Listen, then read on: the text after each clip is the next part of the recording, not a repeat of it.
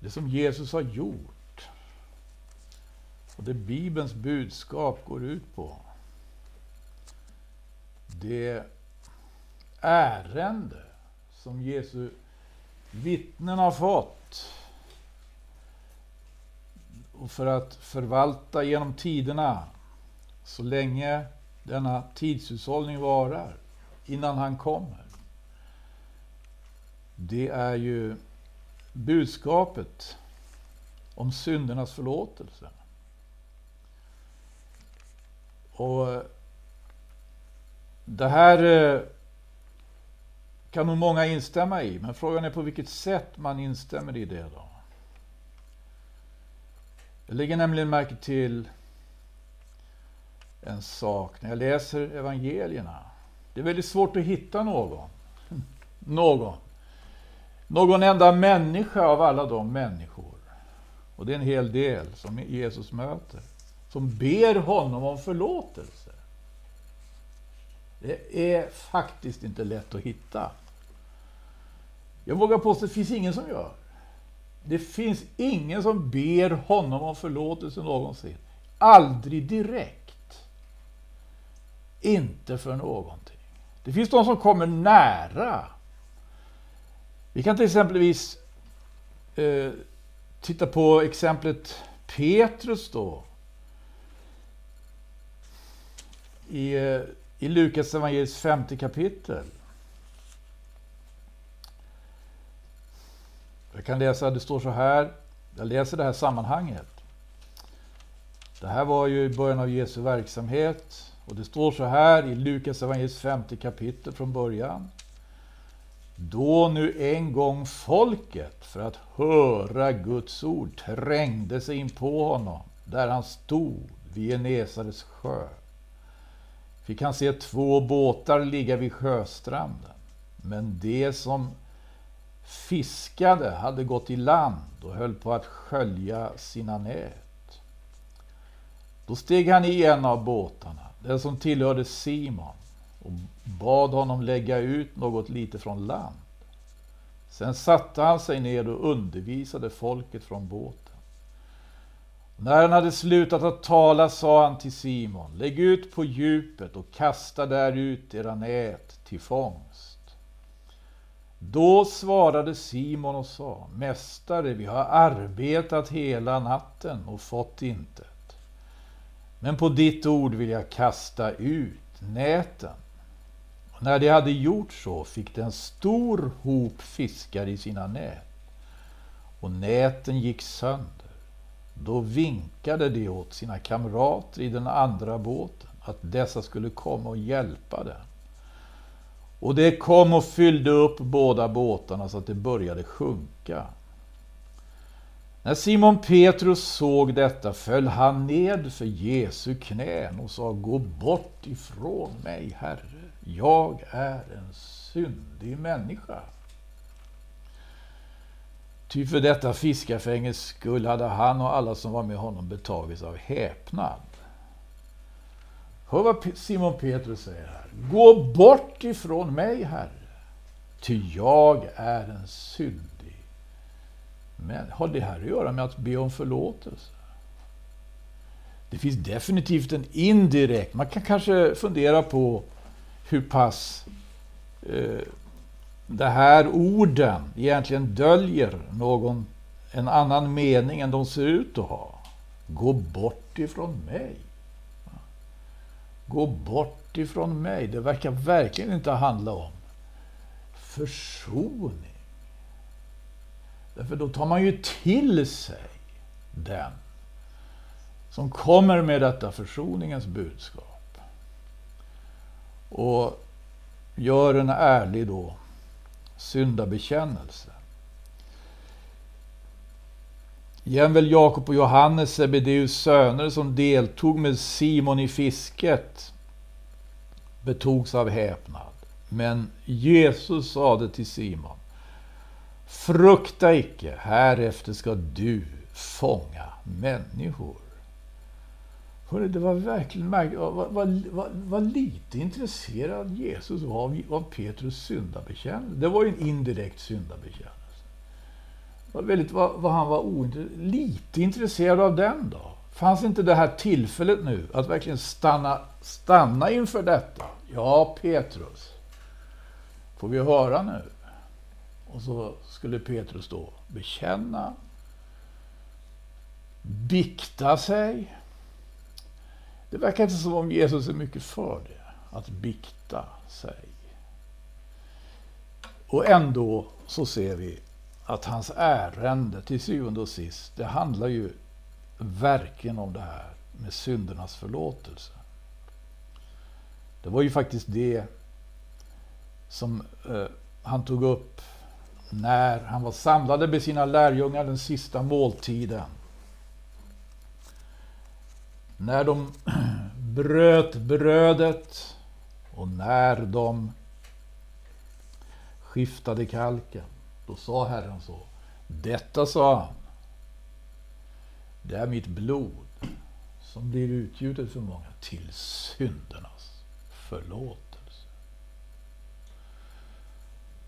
Men under den tid som Jesus är verksam och under den tid som han är, eh, när han är verksam och, och predikar, när han är verksam och utför sina gärningar, så sitter den här frågan, den sitter ganska, som man brukar säga, den sitter ganska trångt.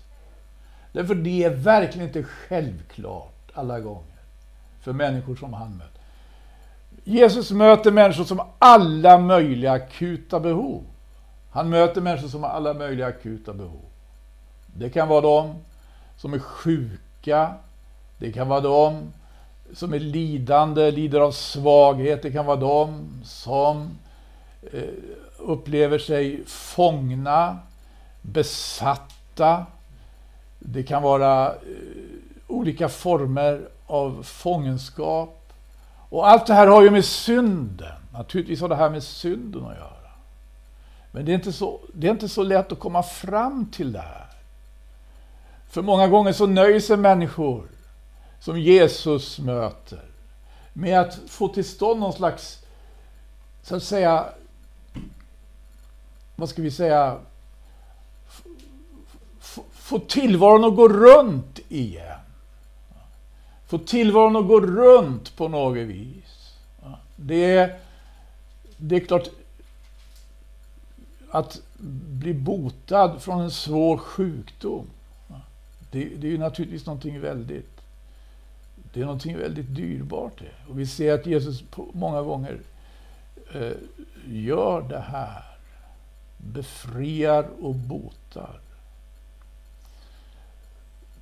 Men var har vi ett exempel på att någon inför Jesus, inför det han säger, kommer fram till att jag måste faktiskt be om förlåtelse. Jag måste be om förlåtelse. Var, var finns det något sådant exempel? Många gånger ser är man så nöjd med att man har varit med om det här. Att liksom bli, få, få, få hjälp på, på det rent yttre, på det fysiska eller på det materiella planet. Och det här är ganska klart då, om vi läser i Johannes evangeliet. När Jesus bryter brödet och, och, och, och bespisar 5000 man.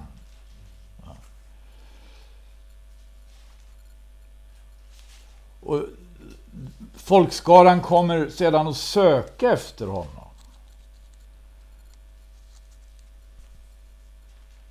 Och eh, då då säger Jesus några saker här för att liksom människor ska... För att för, för han, eh, han, han visar på hur motiven liksom, som människor har är inte riktigt... Eh, de är inte riktigt helhjärtade i sina motiv. I Johannes evangeliets sjätte kapitel står det så här. 24 vers. När alltså folket nu såg att Jesus icke var där, ej heller hans lärjungar, steg de själva i båtarna och for till Kapernaum för att söka efter Jesus. Och då de fann honom där på andra sidan sjön frågade de honom, Rabbi, när kom du hit? Jesus svarade direkt och sa, Sannerligen, sannerligen säger jag er, ni söker mig inte därför att ni har sett tecken, utan därför att ni fick äta av bröden och blev mätta. Verka icke för att få den mat som förgås, utan för att få den mat som förbliver och har med sig evigt liv. Den som Människosonen ska ge, ty honom har Fadern, Gud själv, låtit undfå sitt i en seger. Här talar alltså Jesus om att han har inte kommit för att mätta den tillfälliga hungern. Eller, eller, eller hjälpa i de tillfälliga problemen. Det kan vara större eller mindre problem. Han har faktiskt inte kommit för det. Även om det är det han gör. Väldigt mycket så gör han det. Det är intressant att se en sak när det gäller... Jag har sagt hur Jesus ändrar strategi. Jag vet inte om ni har lagt märke till det. Men enligt Matteus så kommer han liksom i, i samband med att han inleder sin verksamhet att eh, predika ett budskap som egentligen eh, liksom på något vis in, han stämmer överens med det budskap som profeten Johannes före honom hade predikat. Det står att Johannes döparen predikade. Och att människor samlades till honom. Och även Jesus kom ju till honom. Och blev döpt av honom. Och när Jesus efter det här börjar sin verksamhet, då står det så här i Matteus evangelis fjärde kapitel.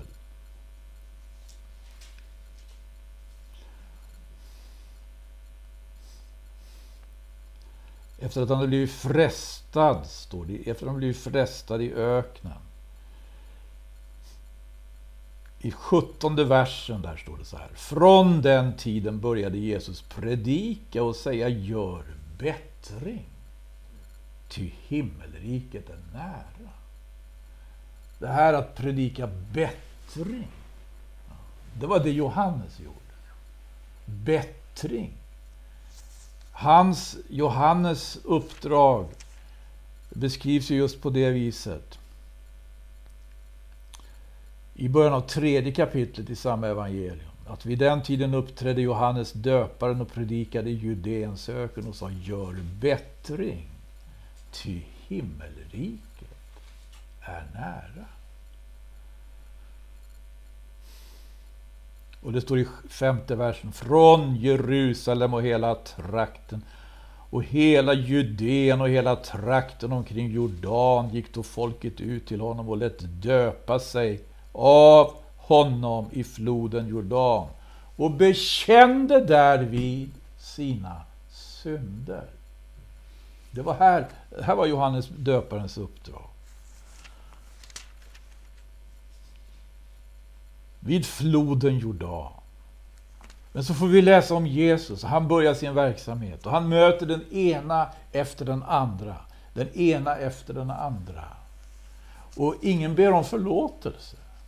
Utan vi har exempel på att man eh, behöver bli renad från spetälska. Man, vi har exempel på att man behöver, någon har förlorat någon genom döden. Någon har eh, en svår sjukdom. Jesus griper in. Jesus, Jesus griper in i de här akuta situationerna. Och så kommer vi till Matteus evangeliets nionde kapitel och här är första gången vad jag vet som det finns någon som liksom då, då Jesus själv liksom i, i, i den här verksamheten får anledning att, att påminna om vad, som är egentligen ett djupare behov. Och det står så här i Matteus 9 kapitel. I början där att han steg i en båt och for över och kom till sin egen stad. Och, och då förde det till honom en, en lam man som låg på en säng. När Jesus såg deras tro sa han till den lame, var vid gott mod mina, min son, dina synder förlåtas dig. Då sa några av de skriftlärde vid sig själva, den hädar. Men Jesus förstod deras tankar och sa, varför tänker ni i era hjärtan vad ont är? Vilket är lättare att säga dina synder förlåtas dig, eller att säga stå upp och gå? Men för att ni ska veta att Människosonen har makt här på jorden att förlåta synder, så stå upp, sa han ut till den lame, och ta din säng och gå hem. Då stod han upp och gick hem. Hade han bett om syndernas förlåtelse? Jag kan inte se det att han gjorde det. Han var lam. Han var oförmögen att, att, att överhuvudtaget få fram någonting. Det var inte han själv som tog sig fram till Jesus. Det var andra som hjälpte honom. Och det var, det var deras tro som Jesus uppmärksammade. Och när han får det här tillfället så säger Jesus så här. Vilket är lättare, att säga dina synder förlåtas dig. Eller att säga stå upp och gå. Vem aktualiserar här frågan om syndernas förlåtelse? Gör den lame mannen det? Gör de här som bär fram honom det? Nej, ingen av dem gör det. Det är Jesus själv som aktualiserar. Också ett, det, det visar också på att den här frågan den ligger inte på det omedelbara akuta planet. Som människor, så att säga, när, så, när människor kommer till Jesus. Det, det, det omedelbara akuta behovet. Det, får, det, får, det är Jesus själv som måste liksom lyfta frågan. Och han gör det till, vid det tillfället när det, finns, när det finns en man som ligger där som inte kan vare sig röra sig eller tala eller säga något. Som, ingenting. Då tar han tillfället i akt liksom, att faktiskt föra fram det att det är ju det här som är hans ärende. Snälla, var har du läst någonstans att någon ber Jesus om förlåtelse? För någonting. Någon säger rövaren på korset. Alltså bad han om förlåtelse. Gjorde han det? Vad sa han? Han sa tänk på mig när du kommer i ditt rik. Visst uttrycker han indirekt ett väldigt djupt behov. Och dessutom väldigt alltså imponerande insikter i, i, i frågan om vem Jesus, den som hänger på ett kors där bredvid honom. Den som hänger, den ene rövaren ser bara, där hänger en annan på ett kors, liksom jag hänger på ett kors. Va? Vi är precis lika goda kålsupare och det är inget särskilt med honom. Men den rövaren som, som säger så, han ser något mer hos Jesus. Han säger tänk på mig. Det stora med Jesus, gärning, det är ju det här att hans blod har blivit utgjutet för många till syndernas förlåtelse. Och ändå så är det ingen som ber honom om förlåtelse. Inte i fyra evangelierna. Inte direkt ingen. Och när någon verkar vara på väg att göra det, Simon Petrus, så är han inte så intresserad av det. Frågan ligger liksom inte på det planet som vi kanske föreställer oss. Vilken fråga? Det handlar om eh, eh, men jag ska visa på just hur Jesus förändrar strategi. Därför att om han knyter an i Matteus evangeliets fjärde kapitel till Johannes döparens budskap. När han säger så här, från den tiden står det i 17 versen. Började Jesus predika och säga, gör bättring, ty himmelriket är nära. Gör bättring så ser vi att han ändrar sin strategi något. När han har kallat sina lärjungar. Och när han sedan sänder ut de här tolv inom landet Israels gränser. Och sänder, då, då, gör han det på detta vis. Det kan vi läsa om i Matteus evangeliets tionde kapitel.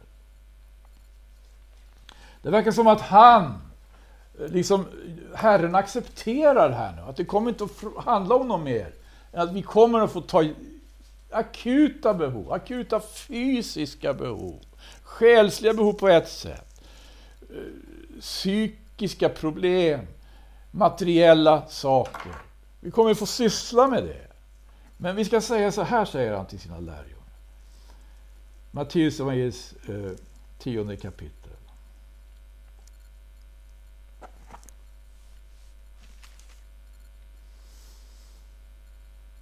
Dessa tolv, står det där i femte versen, sände Jesus ut och han bjöd dem och sa Ställ icke er färd till hedningen och gå icke in i någon samaritisk stad. Utan gå hellre till de förlorade fåren av Israels hus och där ni går fram ska ni predika och säga Himmelriket är nära. Vart tog det här med bättringen vägen nu då? Förr så var det gör bättring, som Johannes döparen hade predikat. Nu är det inte längre det, det är bara himmelriket är nära. Himmelriket är nära. Bota sjuka, uppväck döda. Gör spetälska rena, driv ut onda andar. Ni har fått förintelse och giv och förintelse. Det är liksom någonting så på sätt och vis kravlöst över lärjungarnas lärjungarnas uppdrag här. De går egentligen bara in för att bevisa godhet. Och samtidigt som de gör det så säger de himmelriket är nära. Ja, det, det, det, det får en och annan verkligen klart för sig. Att det är. När de, när de gör sådana här saker.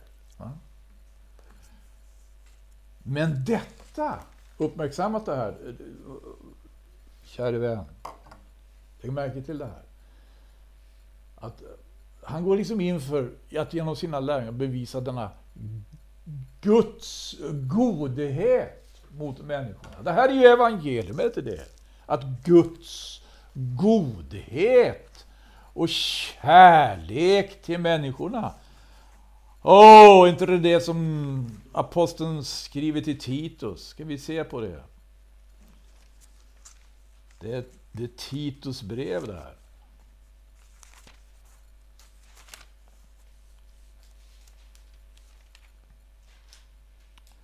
Brevet till Titus. Pris för Gud.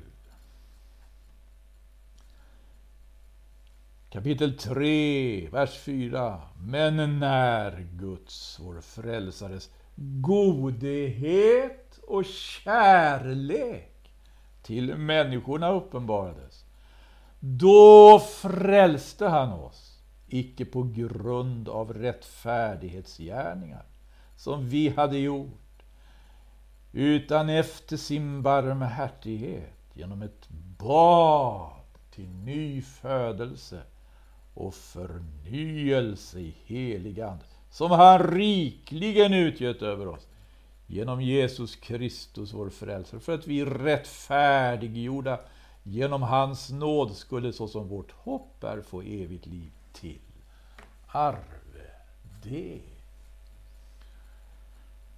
Guds, vår frälsares godhet och kärlek till människor kom sannerligen till uttryck genom dessa lärjungar som han sände. Då han sände dem på detta uppdrag. Ja. Då de fick makt, fullmakt att utföra sådana här saker. Men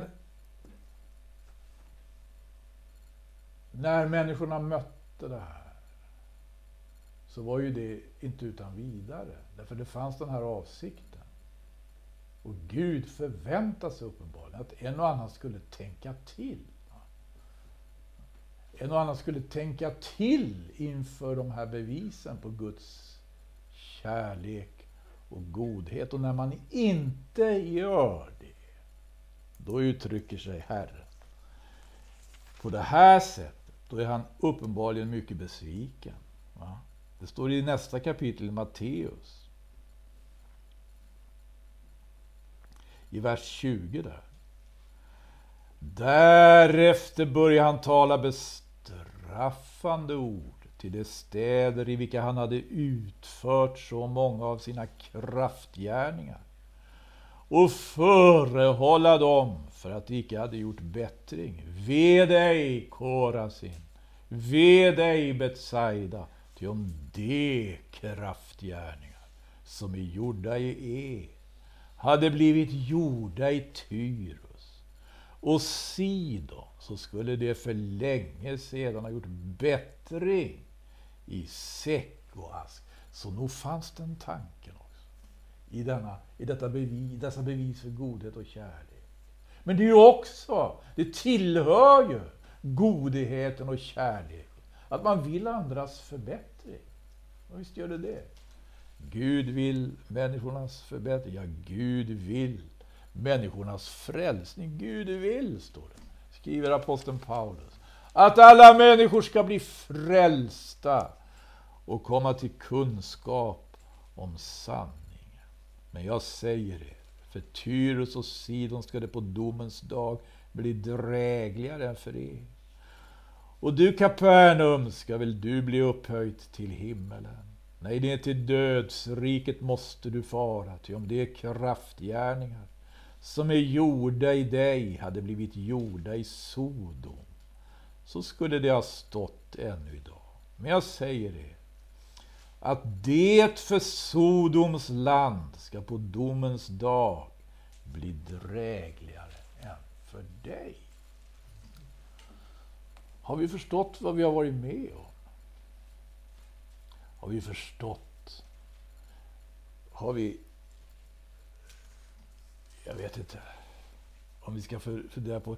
Här, här är egentligen, om jag säger att Jesus byter strategi så kanske inte det är riktigt sätt att uttrycka det på. Men det, det finns någonting helt uppenbart som vi möter exempel på i Bibeln. Eh, det finns en, exempelvis hos aposteln Paulus. Han är, han är han är ganska kluven i sitt förhållande till en församling i Grekland, nämligen församlingen i Korint. Men han döljer inte heller sin kluvenhet. Det gör han inte.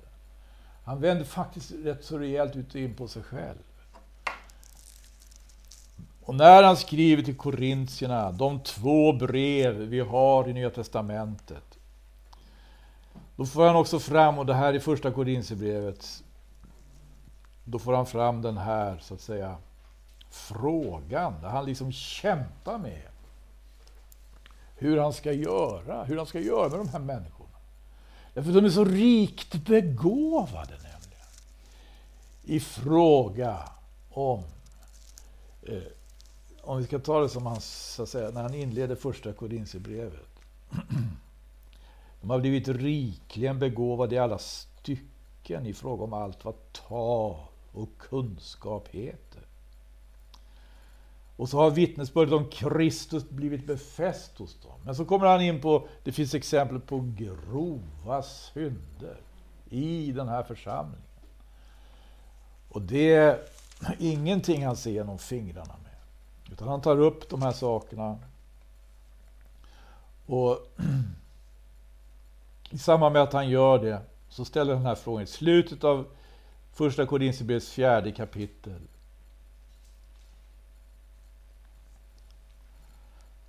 När han skriver om hur han ämnar komma och besöka dem. Jag tar de sista verserna här, från 18 versen. Nu är det väl så att somliga har blivit uppblåsta under förmenande att jag icke skulle komma till er. Men om Herren så vill ska jag snart komma till er och då ska jag lära känna icke dessa uppblåsta människors ord, utan deras kraft. Ty Guds rike består icke i ord utan i kraft. Vilket era vill ni nu? Frågar han. Vilket dera vill ni nu? Ska jag komma till er med ris eller i kärlek och saktmodsamt.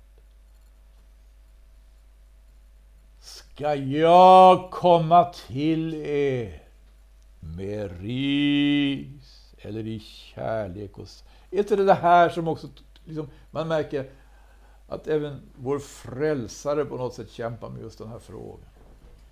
Och kanske Gud själv på sätt och vis. Han sänder ju ett vittne som formligen sprutar eld. När han klandrar människorna, han svänger gisslet. Som Johannes döparen gjorde. Va? Över människorna. Och talar ganska så strängt och säger eh, och, och pekar på, på synder och, och, och, och missgärningar. Jesus knyter an till det här på visst sätt, men så ser vi, så kommer en period då han liksom, kanske lite som Paulus här också, ska han komma med, med ris ständigt, ständigt, ständigt.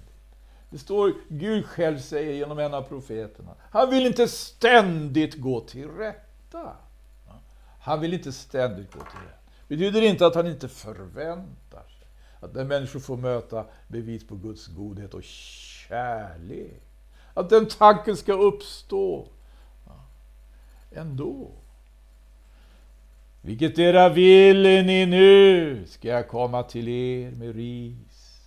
Eller i kärlek och saktmodsand. Och så knyter han på sätt och vis faktiskt an till en, en riktig en naturlag.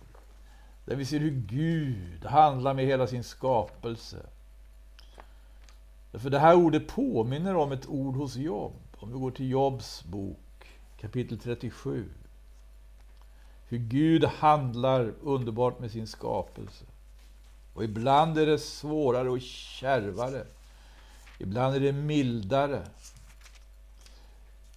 Eh, som himmelen, så att säga, eh, förhåller sig till, till, till jorden. Jobs boks 37 kapitel.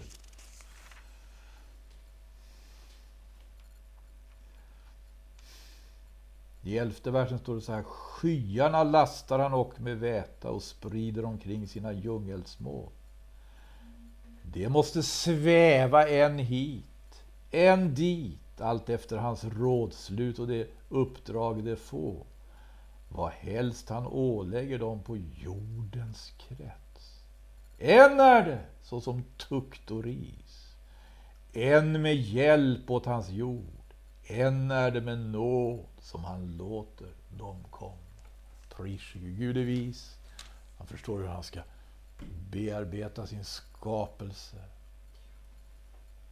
Han förstår, gode Gud. Men han sörjer också över att människorna inte förstod. Jesus sörjde också över att lärjungarna inte förstod. Han klagade över det, gode Gud.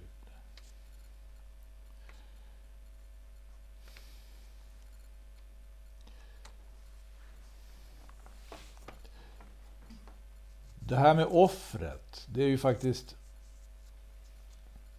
Det är ju ganska så... otroligt egentligen hur Bibeln undervisar om det. Därför vi finner alltså att den här frågan är väldigt speciell. Den är på sätt och vis oerhört känslig och den kan tydligen väldigt lätt missförstås. Så att eh, lika mycket som Moses stadgar om offer i tredje Mosebok till exempel. Det finns flera kapitel där. Flera kapitel. Där det stadgas det ingående om hur offer ska frambäras åt Israels Gud minst lika så att säga bestämt så, så kan vi gång på gång hos profeterna möta det här att Gud vill inte ha några offer. Han vill inte ha det. Han behöver det. Och i en av psalmerna, i femtonde psalmen, så står det han talar till sitt folk och säger Skulle jag dricka tjurars skulle jag äta tjurars kött skulle jag dricka bockars blod? Ja, nej. Och för att liksom belysa också proportionerna här så, så är det ju ett ord hos Hosea som, som Herren själv påminner om också då han går fram.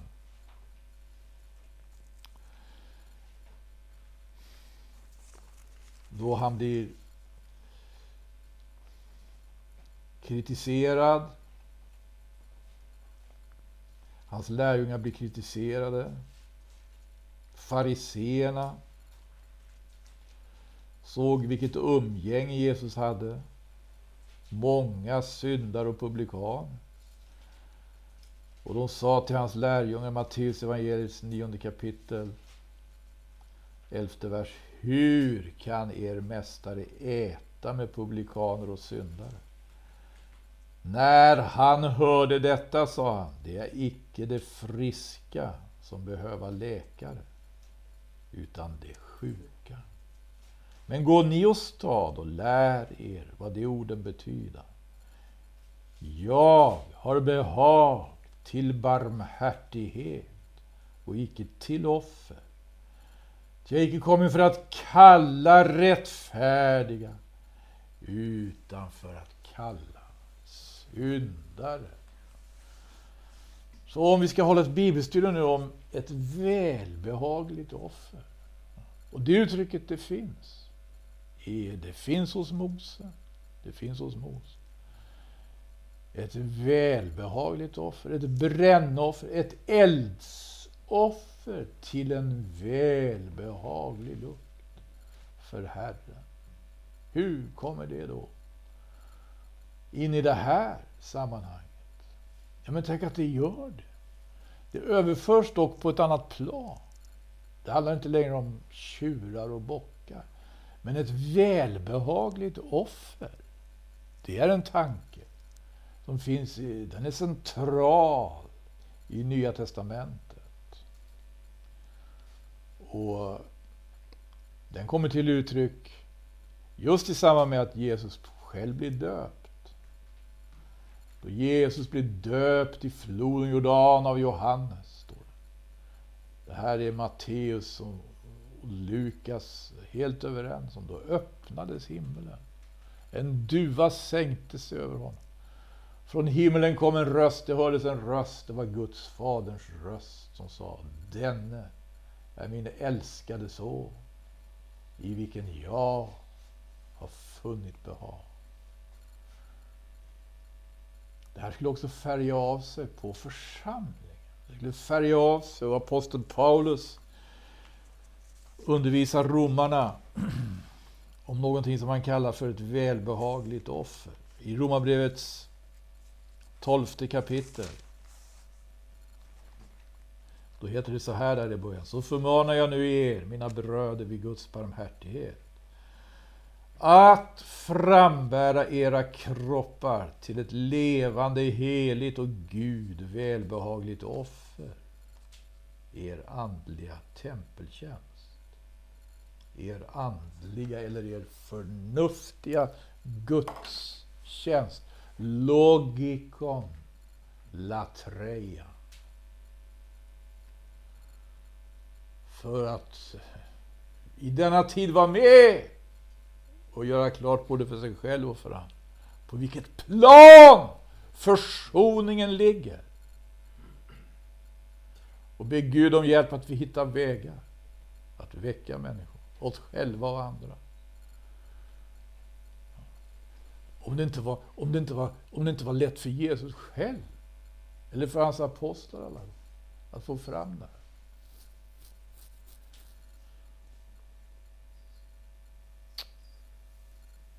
Så ska vi inte tro att det är lätt för oss heller. Men vi kan be Gud om hjälp. Och det ska vi göra. Oh, jag har liksom nästan bara arbetat mig fram till det här bibelstudiet. Någonting som skulle behöva fortsätta och se hur det blir framöver. Vi får hoppas på Gud. Hörni. Tack ska ni ha för uppmärksamheten. Gud välsigne var och en.